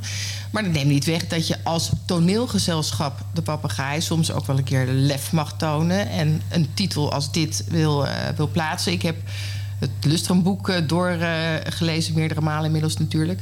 Want je leest elke keer weer iets nieuws. Eh, en het was nog nooit gespeeld in de afgelopen honderd jaar. Nou, het meest gespeelde toneelstuk ooit eh, is Who is Afraid of Virginia Woolf. Ooit door LB in 62, help me, 62 uit voor het eerst in première gegaan. Dus het is 60 jaar geleden. Nou, gaaf. Gewoon een keer doen. En we zien het wel. En Simon, Ja, ik ga je toch een vraag stellen. En, eh, nu niet persoonlijk, maar misschien kan die wel gelinkt worden. Maar de hoofdrolspeler, dat is een. eh, ja, is hij nou hoogleraar of niet? Ja, hij is Hij is bijzonder wel- hoogleraar. Hij is wel een bijzonder hoogleraar. Ja, in de geschiedenis. Ja, dat zegt geen zak. Dat betekent dus dat je een keer een goed boekje je hebt, dat je een gelezen keer een goed boekje hebt gelezen en dan hoogleraar wordt. ja. Maar Het die graag rector magnificus, ma- magnificus wil worden, of eh, headmaster, of zo is het. Ja, ehm, nou de vraag is natuurlijk hoe- graag hij dat wil. Of hij dat nou wil, of dat dat iemand anders is in zijn omgeving die dat wil. Nou, je bent getrouwd in het toneelstuk met de dochter van Ja, de baas. ja dat klopt. Ja, en dat, Oh, eh, en, en het is maar de vraag wie de ambitie wil, zij of jij. inderdaad. Aha. Ja, ja. Linkt het een beetje met jouw karakter? Ehm, nou, niet. Ja, nou, misschien. Ja, dat is een goede vraag. Ja. Ehm, nou, ik herken wel wat dingen van, van, van mijn, mijn karakter. Van George. Ja, niet het, het drinken. Want dat eh, is ook wat veel gebeurd in het, eh, in het stuk. De alcohol. Maar ehm, ja, ik hou ook wel van. Vertel eens even iets over George. Hmm. Vertel eens over George. Ja, eh, ehm, wat we van George te weten komen is vooral in relatie met zijn vrouw. En ik probeer tegelijkertijd niet te veel van het stuk eh, weg te geven. Ehm, hij heeft een hele ambitieuze vrouw. En, en hij wil zeker ehm, eh, later aan het hoofd komen te staan van de universiteit. Maar niet kost wat kost. Het is ook wel niet zo belangrijk. Het is een erudiet fi- figuur. Ehm, hij vindt het prima zo. Hij heeft niet de, de, de, de scherpe ambitie om echt kost wat kost eh, aan de top te komen. En dan is de top in dit geval eh, aan het hoofd staan van de universiteit. Ja. Als jullie aan dat stuk beginnen, wordt dan eerst ook het een beetje uitgediept hoe de karakters in elkaar zitten? Ehm, nou ja, het, zoals in elk toneelstuk is er natuurlijk altijd een stukje introductie. Wie is wie? Ehm, en wat ik in het begin van het stuk heel mooi vind... is dat, ze, dat je vooral nog ziet dat er wel liefde is tussen die twee. In ieder geval zo hopen we dat te spelen. Ehm, omdat, eh, wat Tessa Lammers heel mooi zei, de regisseur... eh, als er geen liefde is, is er, kan je ook niks kapot maken. Dus het is belangrijk dat je dat ziet. En eh, ik denk dat er al vrij snel duidelijk is wel dat, dat inderdaad Marta haar George ehm, ja, niet ambitieus genoeg vindt. En dat ze dat, en dat, ze dat eh, erg vindt. Dat ze, dat, eh, dat ze daar enorm mee zit. En, ehm, en eh, er behoorlijk wat frustraties zijn. En zij is niet iemand die dat laat. Dat moet, dat moet geuit. Eh, en, ehm, Maar ja, heeft, eh, heeft nou George te weinig ambitie of heeft Marta te veel ambitie? nou, dat is een hele goede vraag. en je hebt veel te weinig ambitie. Dat is een tekst al. Nee hoor, nee, nee, nee. nee maar dat is Dat wel, verzin je ter plekke. Dat verzinnen we ter plekke, ja. Nee, dat is, dat is, is heel spannend aan dat stuk. Dat je ehm, de- wel al die kleuren probeert eh, te pakken. Want anders wordt het één groot eh, geschreeuw. Dus eh, er, er moeten wel allerlei gevoelens onder aan de grondslag liggen. En ik vind de tekst ontzettend goed. Het is een heel goed geschreven stuk. Dus je Er is geen repetitie waarin we geen nieuwe laag ontdekken in de, in de, in de tekst. Nou, ik stelde je ook de vraag, Simon, of je een beetje een link met die karakter had. Want ik sprak Michiel van Zeggelen bij de Jumbo. En hij zei, ja, ik ga auditie doen voor Who's Afraid of Virginia Woolf. Waarop ik tegen hem zei, ja, Michiel, je, je weet het, want hij luistert nu. Ik zei, jij maakt totaal geen kans, want je bent, hebt een veel te lief karakter. En jij kan niet die woedende man of die gefrustreerde, kan jij uitstralen. En eh, het blijkt dus dat jij dat wel kan. Ja, maar of dat dan in je karakter ligt, is, dan, eh, is dat dan punt twee. Nou ja, Eh, dat, inderdaad. Ik, ik kan zeker die, die, die woede wel neerzetten. En, de- en dat komt ook wel een beetje uit mezelf. Ja, ja, Ja, maar niet, ja. het is niet dat ik een woedend figuur ben. Absoluut niet. Ja, Nee. George wordt ook echt getergd. Eh, ik denk dat je jezelf in, je, in jouw normale leven nog kan voorstellen... dat als je in het echt zo'n vrouw tegenover je hebt... dat je ook echt woest wordt. Zo'n vrouw. Marta. Jij bent dus in het echte leven niet zo. Ik mag het toch hopen van niet. Maar hopen van niet. als jullie nou als bestuur, hè, en ook graag spelen, dit uitzoeken. Zit je dan ook al een beetje te kijken van, nou, dat is ook wel een rol voor mij? Ja, natuurlijk heb ik dat gedaan, in dit geval. Ik zou liegen als ik niet zou zeggen van... nou, dat, dit, dit is een rol die wil iedereen van mijn leeftijd spelen. Elke, ja, elke, elke actrice van mijn leeftijd, of je nou amateur bent of prof... eh, Marta is de rol der rollen. Dus natuurlijk heb ik gedacht, daar ga ik auditie voor doen. Ehm, maar dat heb ik ook wel echt gedaan. En nou ja, goed, eh, ik ga mezelf ook niet zitten verdedigen. Ik ben het eh, geworden en dat is, eh, dat is super fijn. ja, daar kijk je naar. Maar je kijkt, ook, ook als je in een bestuur zit en je zit in een gezelschap als papegaai. En zeker als je programmeert, weet je ook, ja, dat kan ik niet elk jaar doen. Dus ik heb denk ik de afgelopen zes jaar drie keer gespeeld of zo. Dus dat valt op zich natuurlijk dan ook wel weer mee. Hoe kijk jij er tegenaan? Want jij zit een beetje te knikken. Ik kijk nu naar Patrick. Nou ja, ik ben op de audities aanwezig geweest. Ik heb niet geauditeerd, overigens. En Michiel had zich inderdaad keurig bij mij afgemeld. eh, waarschijnlijk na dat gesprekje met jou bij, die Jumbo. Dat is toch Ja, eigenlijk dorpsradio is dorpsradio, toch? Dat is iemand, Maar, dat is ehm, toch eens iemand die naar me luistert. Precies, één iemand. maar eh, eh, nee, dat, daar, er is heel serieus geauditeerd. En voor beide hoofdrollen, er zijn uiteindelijk vier karakters. En het stuk, misschien moeten we het daar nog even over hebben, dat weet ik niet. Maar voor de twee hoofdrollen, waar, waar, het is zeker vier dubbele bezetting. In- Inclusief nog een aantal afzeggingen. Want we hebben voor elk van de rollen zeker acht of negen mensen gehad die daar echt wel geïnteresseerd in waren. Niet de minste. Ook leden die al jarenlang eh, met name meedoen als we de wat hogere gegrepen toneelstukken spelen.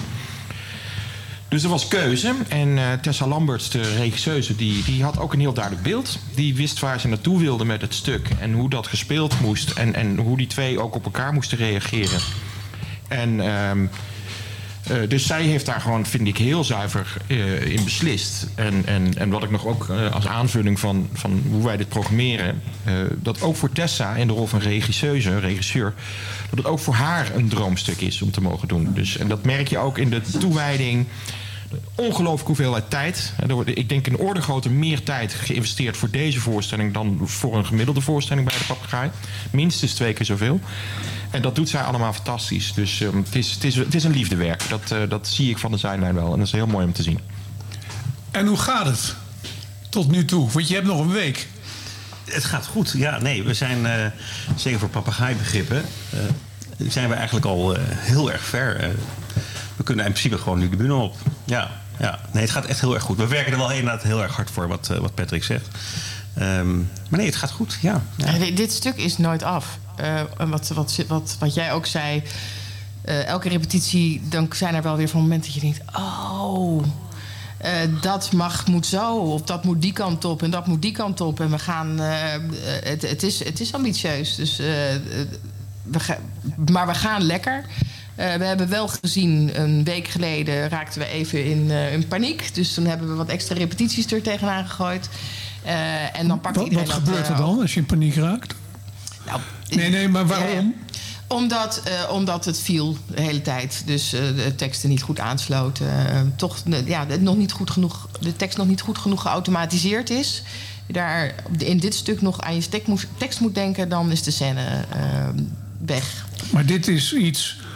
Ik heb ook wel eens meegedaan. Ik altijd hoor. Potverdomme! Leer nou eens een keer die tekst allemaal. Ja, maar de, je moet je hierbij voorstellen, bij dit stuk is het ongeveer halverwege de repetitieperiode.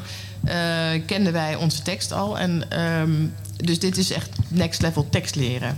Ja. en daarbij is, hebben we, we hebben letterlijk een boek uit ons hoofd geleerd. Nee, dit- die, die opmerking, je weet precies wat je bedoelt, maar die is, die is eigenlijk nooit gevallen. Van leer eens je tekst. Of, of de boze toespraak die we ook altijd wel een keertje krijgen van een regisseur. Dus misschien is het kenmerkend voor een, eh, een amateurclub. En dan, eh, nee, dit keer niet. Nee, dat is heel serieus aangepakt. Wat saai. Ja, heel saai, maar wel heel voldoende. Heel hard Eh, gemaakt. Hebben jullie ook wel eens gelachen tijdens de repetities? Ja, heel veel. Ja, ja, Zeker. ja, ja. Want het is ook heel grappig. Want we doen nu net alsof het ehm, een heel zwaar boehoe stuk is. Eh, thema is dat misschien wel, maar het is ook heel grappig. Omdat die, die mensen die zeggen dingen tegen elkaar... die kunnen natuurlijk gewoon helemaal niet. En dan is dat jonge stel, die trouwens Ja, zeggen, gespeeld worden door Merel um, Ouwehand en Niek Putman... Eh, ja, dat is, het is heel komisch dat die daar getuigen van zijn ook. Hè? Wat is hun functie in het, eh, in, in het toneelstuk? Functie, ja. Ehm, nou, het is natuurlijk heel saai als wij eh alle ellende op elkaar zouden projecteren. Dus eh, zij worden eigenlijk gebruikt als, eh, als de plek waar we alle ellende op, op, op bot vieren. En ehm, eh, zij zijn ook. Eh, eh, meestal in het toneelstuk dan zie je dat het publiek een spiegel wordt voorgehouden. Nu, nu houden we ook dat andere stel een spiegel voor. Wij zijn eigenlijk hun voorland. En ze zien eigenlijk, ze lijken een ideaal koppeltje, maar. ehm, Maar hebben op- al problemen ook. Kijk, dat is nou precies Marta. Je kunt gewoon nooit uitpraten. Maar als jij nou wat echt iets heel intelligents zegt... of interessants, op zijn minst... Ja, ga door. Dit is alvast een kleine, kleine preview. Klein inkijkje. Ja, dus, Ze- worden, er, wordt een beetje, er wordt wel misbruik van het stel gemaakt... in die zin dat ze over de rug van dat stel... hun frustraties aan het uitvechten zijn. hebben jullie... eh, nee, we gaan eerst even naar muziek luisteren. Voordat we hiermee verder gaan. I've got a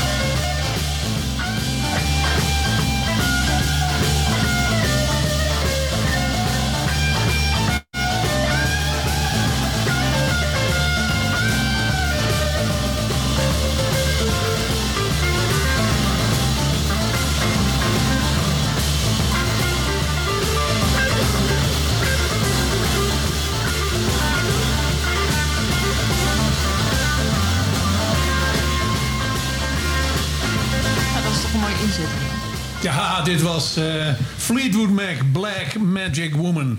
Eh, we hebben luisteraars, welkom nog steeds bij de Band om onze harten.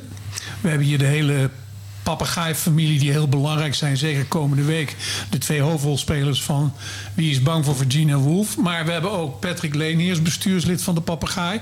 Tevens actief lid bij de Papegaai, want hij heeft ook heel veel gedaan. En je was even aan het, eh, want dat werd onderbroken omdat deze twee sterren binnenkwamen. Maar het is misschien toch wel goed om even af te maken eh, uit Maastrichtweg, al die dingen meer. Eh, jij samen met Sophie, veel gedaan. Jullie schreven ook dingen. Maak je verhaal even af. Ja, dat, dat, daar valt nog heel veel te vertellen natuurlijk. Eh, we, dit is 2006. Ik zit daar met die, met die baby Alexander. En met mijn oudste zoon Adriaan. Eh, Wat zal ik er eens uithalen? Ik denk, nou laat ik gewoon één eh, of twee papegaai highlights eruit halen. We hebben bij de papegaai al lang betrokken was Marguerite Vremerie. Die veel ook muzikale stukken regisseert. En daar deed Sophie altijd heel graag aan mee. En Marguerite die wist dan ook wel het beste uit Sophie te halen. En ik denk wel een highlight, misschien heb je hem zelf ook gezien, is, ze was in het zingen ook. Soms doen we die muzikale dingen ook buiten het zingen. In Mauve bijvoorbeeld, waar we het net over hadden. Maar dit was op het grote podium waar zij een, een zangjuf speelde. En eh, dat ze opkwam met eh, alleen een lessenaar zonder papier en een, zo'n stokje, hoe heet zo'n ding? Zo'n baton, Baton. of zo, ja. En hoe zij, en ik denk dat die solo wel zeven minuten duurde of zo. En dat deed zo'n fantastisch. Hoe ze inderdaad met een timing. Ze, een, ze kon prachtig zingen, maar ze had ook echt gevoel voor timing. Om de zaal echt aan het lachen te krijgen. En eh, dat is ook nog wel gememoreerd later. En in het Lustrumboek staat dat geloof ik ook nog wel. Maar ja, ik, heb samen met haar op het podium gestaan. Veel naar haar gekeken. En eh, uiteindelijk in 2017 eh, werd ze weer ziek, hè, waar, waar ik net al op hintte. Eh, dat kwam inderdaad elf jaar na dato terug. Eh, hadden we even niet op gerekend. De oncologe die we spraken, die zei ook van... ja, jullie hebben echt wel een beetje de pechloterij gewonnen hier. Want als iemand 10 jaar, 11 jaar incident-free, zoals dat dan in het jargon heet... en niet, niks, geen, geen klachten heeft dan zou je het eigenlijk niet meer verwachten. Maar ja, desalniettemin, eh, de borstkanker was terug en het was uitgezaaid. En dan weet je ook meteen dat het ongeneeslijk is. Dus we kregen ook daar helemaal geen dubbele message over. Weet je wel? Dus we zaten daar gewoon, ze had een botscan gekregen. En ze zat van boven tot onder met metastases. En ehm, toen heeft ze nog drie jaar geleefd. Sinds in januari 2020 is ze overleden. En ehm, dat liedje wat ik net eh, liet horen van mijn zoon, dat is ook in die periode. Want toen, in januari 2020, herinneren we denk ik nog, een maand later zaten we in de lockdowns. Was in maart 2020 dat we in Nederland voor het eerst in lockdown gingen. En eh, die jongen die kon niet naar school en eh, die had niks te doen. En die heeft toen in die periode dat liedje geschreven. En omdat we toch niks te konden, ben ik naar een, eh, een vriend gegaan die een opnamestudio heeft. En hebben dat liedje opgenomen, geproduceerd en uitgebracht. En, dus dat, dat zit wel degelijk verwijzingen ook in. Althans, ik hoor ze erin. Als ik mijn zoon ernaar vraag, zegt hij nee hoor, heeft niks met mama te maken. Eh, misschien is het ook in The Eye of the Beholder. Maar ehm, ja, daar is dat liedje uitgekomen. En eh, sindsdien gaan we met z'n drieën door het leven. Zullen we het nog een keer draaien? Als Erik dat lukt. Beetje Lukt je dat, eh, spontaan, Erik? onvoorbereid. Wordt de technicus eventjes onder... Nee, dat liedje van, eh, van Alexander. Lawrence, Alex Raincoat. Lawrence. Ja, natuurlijk, dat kan. Oké, We pluggen hem gewoon nog een keer. gaan we dat nog een keer draaien. Patrick, dankjewel. Bye.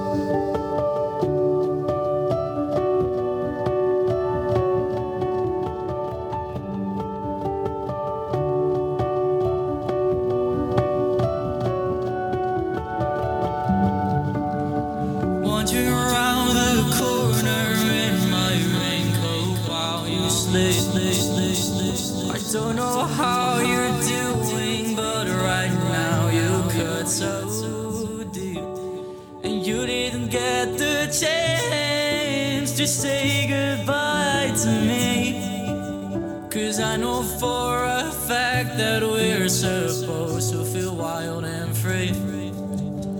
A couple things have happened since the last time that we spoke.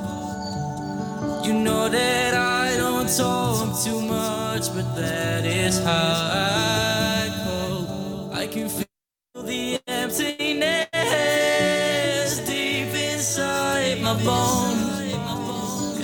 you walked away, you left a cold and broken home.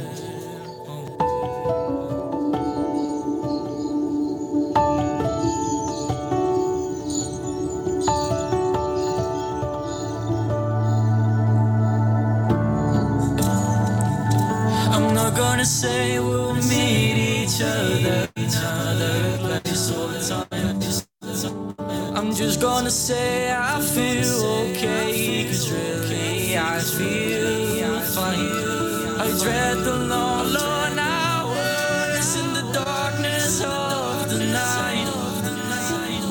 you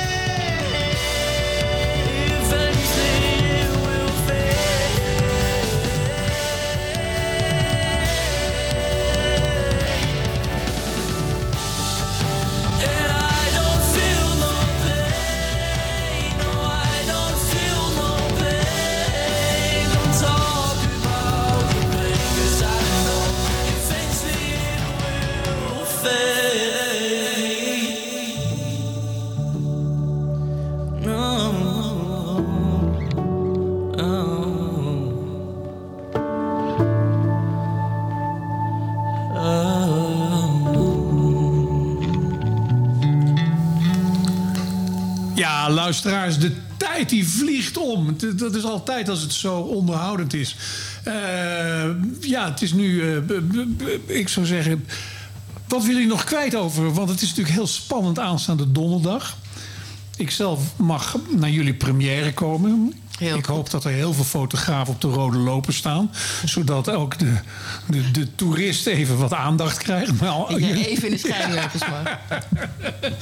maar wat wil je nog... eh, vertel nog even, wat wil je kwijt over aanstaande de donderdag? Het is donderdag, vrijdag en zaterdag, hè? 24, 25, 26 november. Eh, zijn, ehm, er zijn nog eh, kaarten. Dus boek, kom. Ehm, en wat willen we kwijt? Ja, het is, het is een stuk wat je gewoon een keer gezien moet hebben. Eh, en het, eh, het is eh, het toneel, toneel, maar het, het is wel echt een heel mooi verhaal. En eh, ik denk dat iedereen eh, zeer geboeid, eh, ik hoop op het puntje van zijn stoel eh, gaat zitten. Dus eh, ja, we hebben er heel veel zin in. Ja, klopt. Ja, nee, je moet echt komen. Eh, we hebben eigenlijk niet over gehad wa- waar het nou eigenlijk over gaat. Of gaan we ervan uit dat iedereen eh, het verhaal kent? Nou, vertel het in het kort nog even. Kort, hè? Kort. Ja, want het is, het is van origine een heel lang toneelstuk van een eh, uur of drie. Wij hebben het, eh, de regisseur heeft het ingekort tot een uur of twee. Dus ja, het is nog wel een zit. Maar je krijgt er wel wat voor terug. Het gaat over twee koppels. En een- het oudste koppel is Marta en, eh, en George, daar hebben we het over gehad. Die, die, die, die, die vechten inderdaad hun frustraties uit. Eh, wat we eerder zeiden, over, eh, ten koste van het andere koppel. Maar waar, waar gaat het dan eigenlijk over? Eh, de, de hoofdthema's zijn denk ik de, eh, het, het succes, of in dit geval het falen van de American Dream. En ehm, dat begint al met de namen van de karakters. Eh, George en Martha. George komt van George Washington, de eerste Amerikaan zou je kunnen zeggen. En Martha is zijn vrouw. Ehm, en op die manier krijg je al die, die, die, symboliek in, de, in, dat, in dat stuk. Ehm, eh, help me eens even. Ehm, Nou, eh, wat wij vinden is dat het ook nog steeds eh, nu gespeeld kan worden. Ehm, want je kan je ook van, ja, is het niet heel erg oudbollig hè, inmiddels? Eh, we hebben in 1962 een première, maar het thema is nog steeds actueel. Ehm, hoeveel mensen zijn niet, zijn niet overspannen omdat er zoveel van hun gevraagd wordt. En dat er alle ballen in de lucht eh, moeten worden gehouden. Je moet succesvol zijn, je moet een carrière hebben, een goede moeder zijn, eh, daarnaast er goed uitzien. Ja, alles wat daarbij komt kijken. Ehm, en dat, dat, dat- ik denk dat dat bij George en Martha ook ten grondslag ligt van ja, maar, maar we moeten toch. Hè? We, we hebben die American Dream en we moeten gelukkig zijn. En Eh, en sommige dingen lukken niet in die relatie. En dat nemen ze elkaar kwalijk. Ja, dat verandert niet. En dat verandert niet. Dat is nog Er steeds... blijven eh, altijd vrouwen hun man pushen. Ja, ja, ja nee, precies dat. Bert. Ja, ja, jullie hebben het heel zwaar. Dat klopt, maar daar hebben we het niet over. Dat is, eh, bij bij jullie is het toneel. Maar degene die in de zaal zit, die zal het wel herkennen. Ja, ik denk dat er heel veel herkenbare momenten zijn. Ehm, en zeker omdat er inderdaad rijkelijk eh, wordt gezopen, ehm, wordt alles ook meteen uitvergroot. En zelfs dat is herkenbaar. Ehm, je hebt feestjes waar mensen net even wat te eerlijk zijn of net even eh, uit de bocht schieten. Eh, alleen, eh, wat mooi is in dit stuk, maar ik moet inderdaad oppassen dat je niet te veel weggeeft, is dat er ook een moment is dat binnen het, binnen het verhaal dat, dat ze aan het zoeken zijn: gaan we nou hiermee door? Maken we elkaar af? Of doen we dat niet? En dat laat ik open.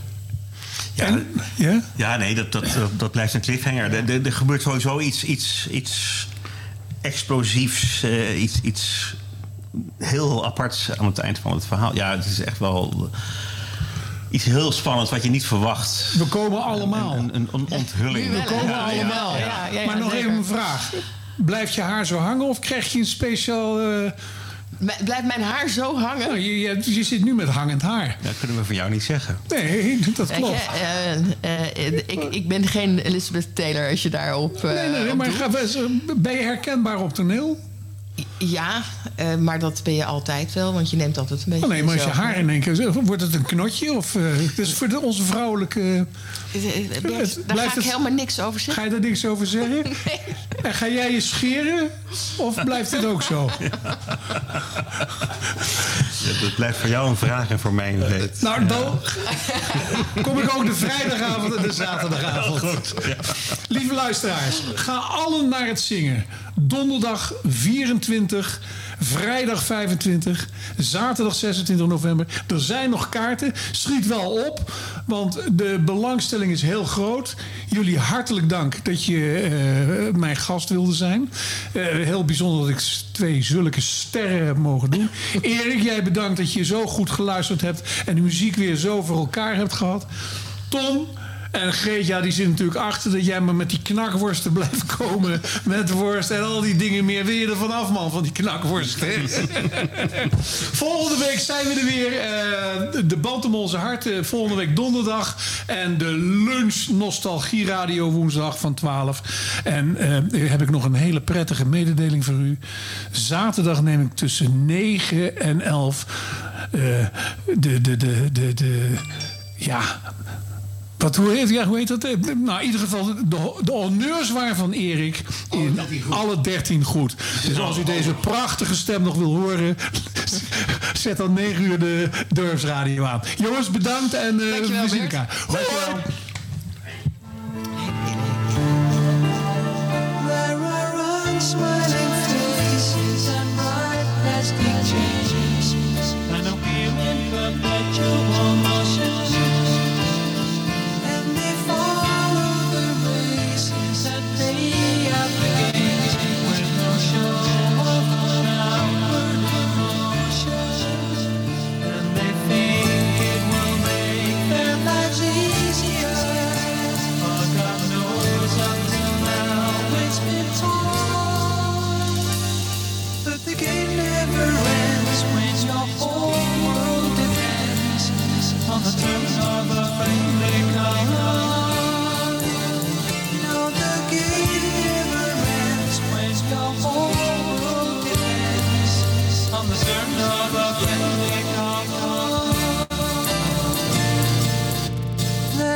side.